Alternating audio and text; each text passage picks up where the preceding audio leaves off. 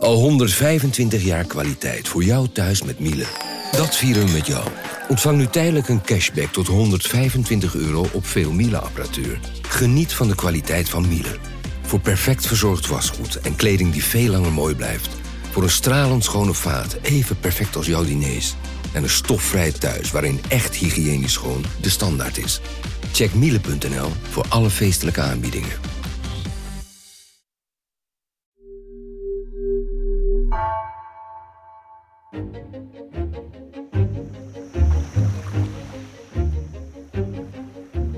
Welkom. Wij zijn Onbehaarde Apen. Dit is een zomerpodcast van NRC over het begin. Deze week het ontstaan van de allereerste zwarte gaten. Over hoe er vlak na de oerknal mogelijk al zwarte gaten zijn ontstaan. En of we deze zwarte gaten überhaupt kunnen terugvinden. Mijn naam is Lucas Brouwers en ik zit vandaag in de studio met Laura Bergshoef, wetenschapsjournalist, gespecialiseerd in astronomie en ruimtevaart. Welkom. Dank je. Ja, en jij gaat eigenlijk verder waar we in de aflevering met Margriet van der Heijden zijn opgehouden. Het universum is ontstaan. Ja, hoe dat, uh, dat is dus een, nog een beetje een raadsel. Maar dat universum is er in ieder geval. En dan ontstaan er misschien al objecten die een moderne astronoom ook al zou kunnen herkennen. Neem ons even mee naar dat allervroegste begin. Wat, wat kan er dan gebeurd zijn? In die allereerste fractie na een seconde, uh, dat is echt een tijd nog ver voor de eerste planeten ontstonden, nog ver voor de eerste sterren, zat alle materie echt super dicht op elkaar in een hele kleine kosmos. Hoe moet ik me dat voorstellen als al die materie op elkaar zit? Is dat een, een, een dichte soep van, van spul? Is dat dan gas? Zweeft het? Ja, het is echt heel anders dan wat we vandaag zien. Het gaat echt onze voorstellingsvermogen te boven. Het is inderdaad een hele hete soep. Gewoon dat, jonge universum bestond uit een plasma, noemen we dat. En het is een brei van materie en totaal niet herkenbaar. En het zit zo dicht op elkaar, zelfs licht kan er niet doorheen bewegen. Je hebt gewoon alleen die, die brei. En is het dan heel uniform uitgesmeerd? Is het, is het gewoon alle materie zit netjes op een plek, zoekt zijn eigen uh, plekje in, in die plasma? Of kun je toch al van verschillen spreken? Nou, wat je nu zegt is super belangrijk voor het ontstaan van die eerste zwarte gaten. Want het was zo dat het was waarschijnlijk niet overal gelijk verdeeld. Dat zien we nu ook nog terug, want nu in het universum heb je natuurlijk ook clusters van sterrenstelsels. Je hebt niet dat alle sterren netjes verdeeld zijn over het universum. Dus aan het begin was het waarschijnlijk ook al zo. En de verschillen waren wel super klein, maar de ene regio was iets voller dan de andere. Dus het zou zo kunnen zijn dat zo'n volle regio zo vol was dat daar de materie zo erg op elkaar perste dat het ineenstortte onder zijn eigen zwaartekracht. En dan krijg je dus een zwart gat. En nu ken ik zwarte gaten een beetje als die onverzadigbare plekjes in het heelal, een soort afvalputje van, van het universum. Maar als ik een, een, een astronoom zou vragen wat een zwart gat is, hoe definieert hij of zij dat dan? Ja, inderdaad, wat je zegt. Iedereen heeft wel fantasieën bij een zwart gat. Maar als het over zwarte gaten hebben, hebben we het over hele compacte objecten. Echt superveel massa zit geconcentreerd in de hele kleine ruimte. En daardoor is de zwaartekracht rondom dat zwarte gat super sterk dat niks kan ontsnappen. Kijk, alles heeft zwaartekracht, ook de aarde. Eigenlijk alles met een, wat massa heeft, heeft zwaartekracht. Maar op de aarde, als je maar hard genoeg gaat, bijvoorbeeld met een raket, dan kan je ontsnappen, dan val je niet terug. Maar bij een zwart gat is het zo, om aan de zwaartekracht te ontsnappen moet je zo hard gaan. Dat kan gewoon niet. Want zelfs licht kan niet ontsnappen en we weten niks gaat sneller dan het licht. Hoe zou dat dan in, het, in dat jonge universum gebeuren? Is dan, ben je dan niet meteen alles kwijt zodra er een, een zwart gat ontstaat in dat plasma? Nee, want ze waren aan, helemaal aan het begin waren ze echt super klein. En om zeg maar daar dan opgezocht te worden, moet je ook wel echt super dichtbij zo'n zwart gat komen. Hoe groter het zwarte gat is, hoe sterker die aan je trekt. Dus ook hoe eerder je erin verdwijnt. Maar, um, maar voor zo'n klein zwart gat, je moet wel echt super dichtbij komen, wil je er niet meer aan kunnen ontsnappen. En dus de, de, de zwarte gaten die je eigenlijk nu beschrijft in dat jonge universum, dat waren kleintjes? Ja, ze kunnen allerlei massa's aannemen, maar de eerste waren sowieso heel erg klein. En als je het dan hebt over ons moderne universum, uh, waarin we wel planeten, sterren hebben, gelukkig. Um, daar hebben we ook zwarte gaten in. Waar, zou je die allemaal kunnen aantreffen? Ja, je hebt verschillende soorten zwarte gaten. Zijn er sowieso, zijn, ons hele universum zit vol zwarte gaten. Er zijn er echt heel veel. Alleen in ons uh, Melkweg, in ons eigen sterrenstelsel, zijn er al miljoenen. En er zijn eigenlijk vier verschillende soorten, waarvan we er twee al uh, hebben gezien. Die we het meest zien, de eerste, dat zijn de stellaire zwarte gaten.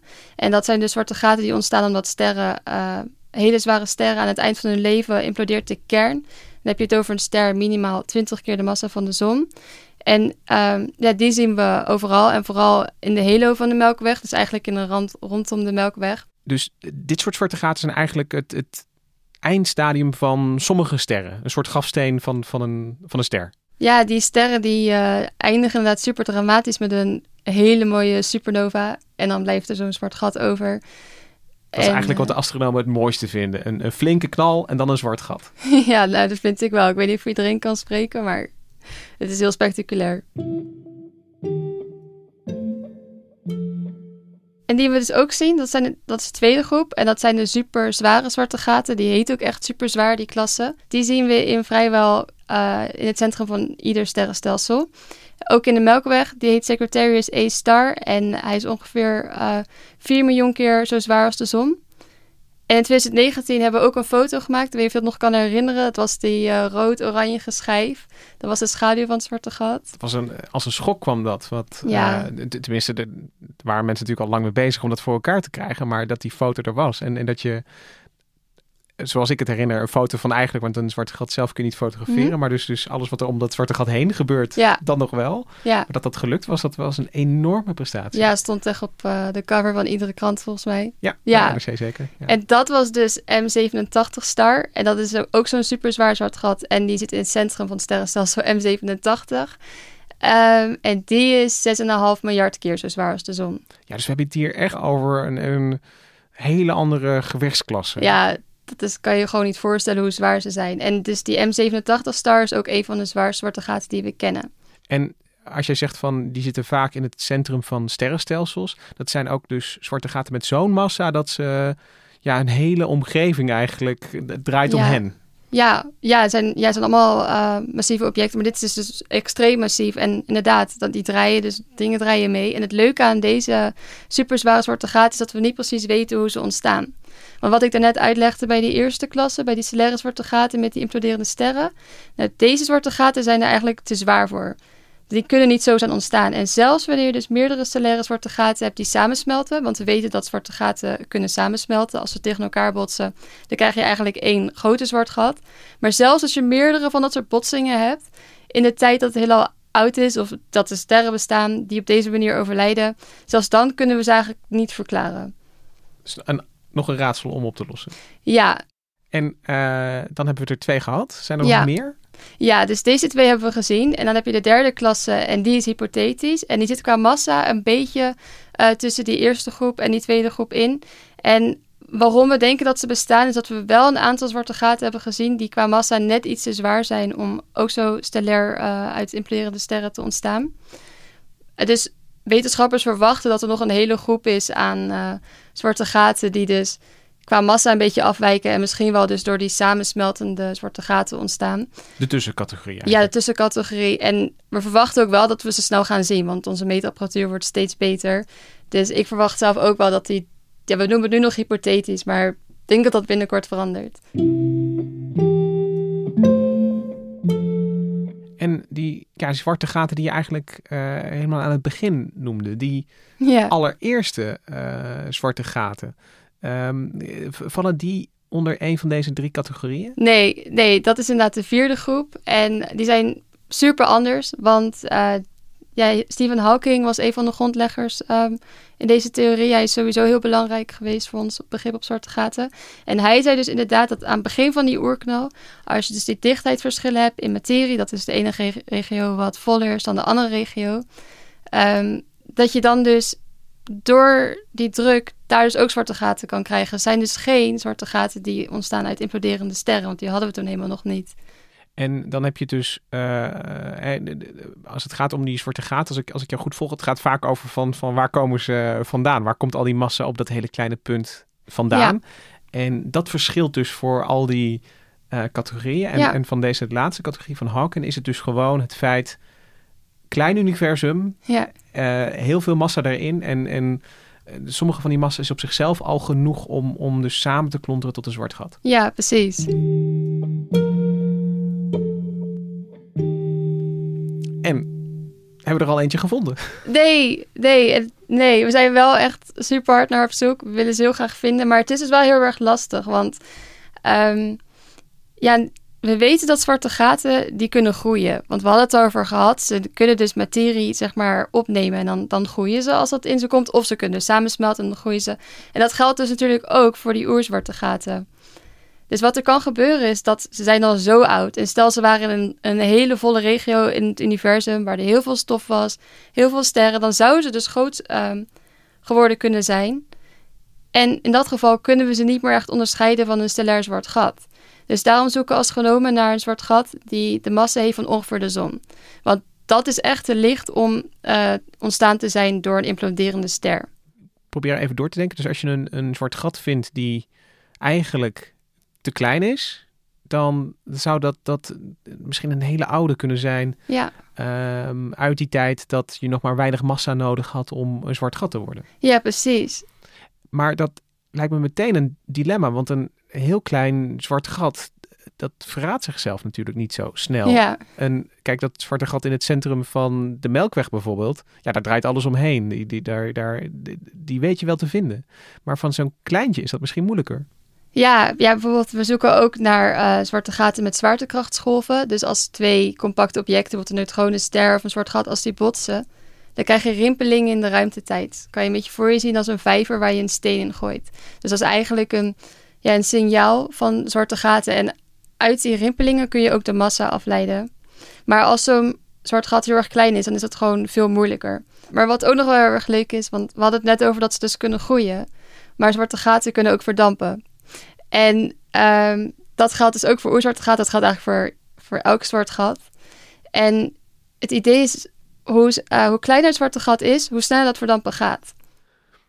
Maar wacht eens even, als je het over verdampen hebt van een zwart gat, dan, dan heb ik wel toch een vraag hoe dat uh, gaat. Want ja. je, hebt, je hebt iets dat, zeg maar, toch in mijn hoofd vooral massa opslokt. Ja. Dus hoe kan zoiets uh, dan verdwijnen? Ja, die vraag is heel terecht. Want dat, dit verbaasde natuurkundigen ook in die tijd. Want we hadden natuurlijk gezegd, niks kan uit een uh, zwart gat ontsnappen.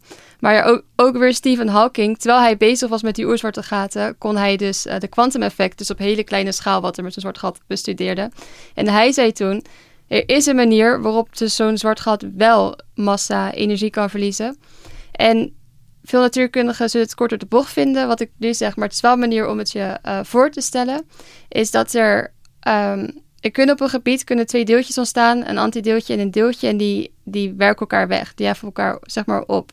En op de energiebalans van het universum is dat gratis, want je kunt niet Ja. zomaar energie en massa bedenken, maar een, een eh, antideeltje en een deeltje hebben samen, eh, heffen ze elkaar op en is dat, is dat gratis eigenlijk Ja. doen. Ja, dat zeg je dus zo goed, want dat is ook heel belangrijk hiervoor. Want stel, een van die deeltjes die verdwijnt in het zwarte gat, die komt tussen dichtbij, die kan niet meer ontsnappen, dan wordt het andere deeltje ja, weggeslingerd, het heelal in, en dan blijft die wel bestaan, want hij niet meer bij zijn paar is. Dat moet dus ten koste gaan van iets, de energie. En het zwarte gat is hetgene wat daarvoor betaalt. Dus in die zin kan een zwart gat verdampen. En hoe kleiner het zwarte gat is, hoe sneller dat proces dus gaat. En het zou dus zo kunnen zijn dat in die 13,8 miljard jaar dat die gaten dan ongeveer oud zijn, ze inmiddels al helemaal zijn verdampt. En dan vinden we ze dus nooit. Dus aan de ene kant hoop je dat ze niet heel erg zijn gegroeid, omdat je ze dan niet meer kan onderscheiden van zo'n stellair zwart gat. Maar aan de andere kant hoop je dus ook niet dat ze heel klein begonnen. Want je kunt je voorstellen dat in die ja, 14 miljard jaar dat het universum ongeveer oud is, en dus ook die oerzwarte gaten eh, bestaan, dat ze dan ze al helemaal verdampt zijn. En Stephen Hawking had dus berekend als ze te klein zijn, dan, dan zien we ze niet meer. Dan zijn ze gewoon weg. Maar hebben de astronomen dan toch met Stephen Hawking voorop hier niet een, een soort eh, witte raaf eh, bedacht? En, en daarmee bedoel ik dat, eh, dat er moet wel iets heel specifieks aan de hand zijn, willen we ze überhaupt nog kunnen vinden? Want als, zoals Ja. je zegt, als ze te klein zijn, zijn ze misschien al weg. Als ze te groot zijn, dan herkennen we ze niet. Dus er is eigenlijk maar een kleine kans misschien dat ze eh, precies de weg gevolgd hebben die wij nodig hebben om ze Ja. überhaupt te kunnen zien. Ja, maar we willen ze wel graag vinden. Ja, tuurlijk wil ik het heel graag vinden. Maar dan vraag ik me wel af, als ik dan even heel eh, eh, hard ben, van is dat waarom willen we ze vinden? Want leert ons dat nog meer dan dat ja, de lijst met zwarte gaten zeg maar completer wordt. Hè? Dat je dat, die, die categorieën die je even gaf, van is, is, dat, het, is dat het doel? Dat we gewoon een, een mooie uh, inventarislijst van het universum hebben? Of kunnen we er nog iets van opsteken? Allebei eigenlijk. We willen sowieso graag die lijst hebben. Willen het compleet hebben en begrijpen welke zwarte gaten er zijn en hoe ze ontstaan en waarom. Maar het heeft zeker ook raakvlakken met uh, grote onoploste mysteries binnen natuurkunde, bijvoorbeeld donkere materie. Uh, dat is er wel, dat weten we, maar we weten niet wat het is. En het zit overal om ons heen in het heelal. En sommige wetenschappers speculeren dan, nou, misschien is dat dan wel, uh, zijn dat dan wel die oerzwarte gaten. En tegelijkertijd, we hadden het ook eerder over die uh, superzware zwarte gaten. Dat waren die tweede klasse waarvan we niet helemaal wisten hoe ze ontstonden, die hele grote. Sommige natuurlijk kunnen zeggen van, misschien uh, waren die oerzwarte gaten wel de zaadjes daarvoor. Dus dat ze klein zijn begonnen en op een een of andere manier heel erg groot zijn geworden. Maar dat is nog niet echt gelukt om het aan te tonen met modellen. Maar het is wel een reden waarom we ze willen vinden. En wat natuurlijk ook zo is, als we ze vinden, dan, dan leren we er meer over. Dan kunnen we iets zeggen over de massa, hoe ze zich ontwikkeld hebben. En daarmee kunnen we dus ook dat begin van het universum, echt de eerste fractie van een seconde, kunnen we daar iets over afleiden. En zo helpt het universum ons nog een klein beetje om, om het, uh, het begin een beetje te begrijpen. Ja, precies. Oké, dankjewel uh, Laura dat je hier wilde vertellen over ja, de allereerste objecten, mag ik ze zo noemen, in het universum. Um, en uh, nou ja, toch maar hopen dat er uh, op, op een gegeven moment een heel klein zwaartegolfje dan, uh, dan onze kant op komt en dat, ja. we, dat we ze hebben gevonden. Um, dankjewel, dit was ook meteen het einde van deze serie over het begin. we hebben gekeken naar het begin van zo ongeveer alles, van het universum tot het leven, tot een herinnering. Um, de zomer is hiermee voor ons tot een eind en volgende week weer zijn we er met een reguliere aflevering. Bedankt voor het luisteren deze zomer. En uh, nou, wil je ons laten weten hoe je dit vond? Want daar zijn we wel benieuwd naar. Het was voor ons natuurlijk ook een beetje een experiment. Uh, stuur dan een mailtje naar podcast.nrc.nl of stuur een reactie via Twitter naar @nrcwetenschap. En dan, uh, dan leren wij daar ook weer iets van. dankjewel voor het luisteren. Rosa van Toledo, bedankt voor de productie van deze aflevering. De muziek is gemaakt door Jeppe van Kesteren. En wij zijn er volgende week weer. Tot dan.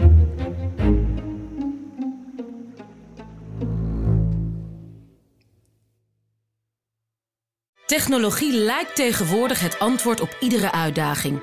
Bij PwC zien we dit anders. Als we de potentie van technologie willen benutten, kunnen we niet zonder een menselijk perspectief. Human-led, tech-powered noemen we dat. Ga naar pwc.nl.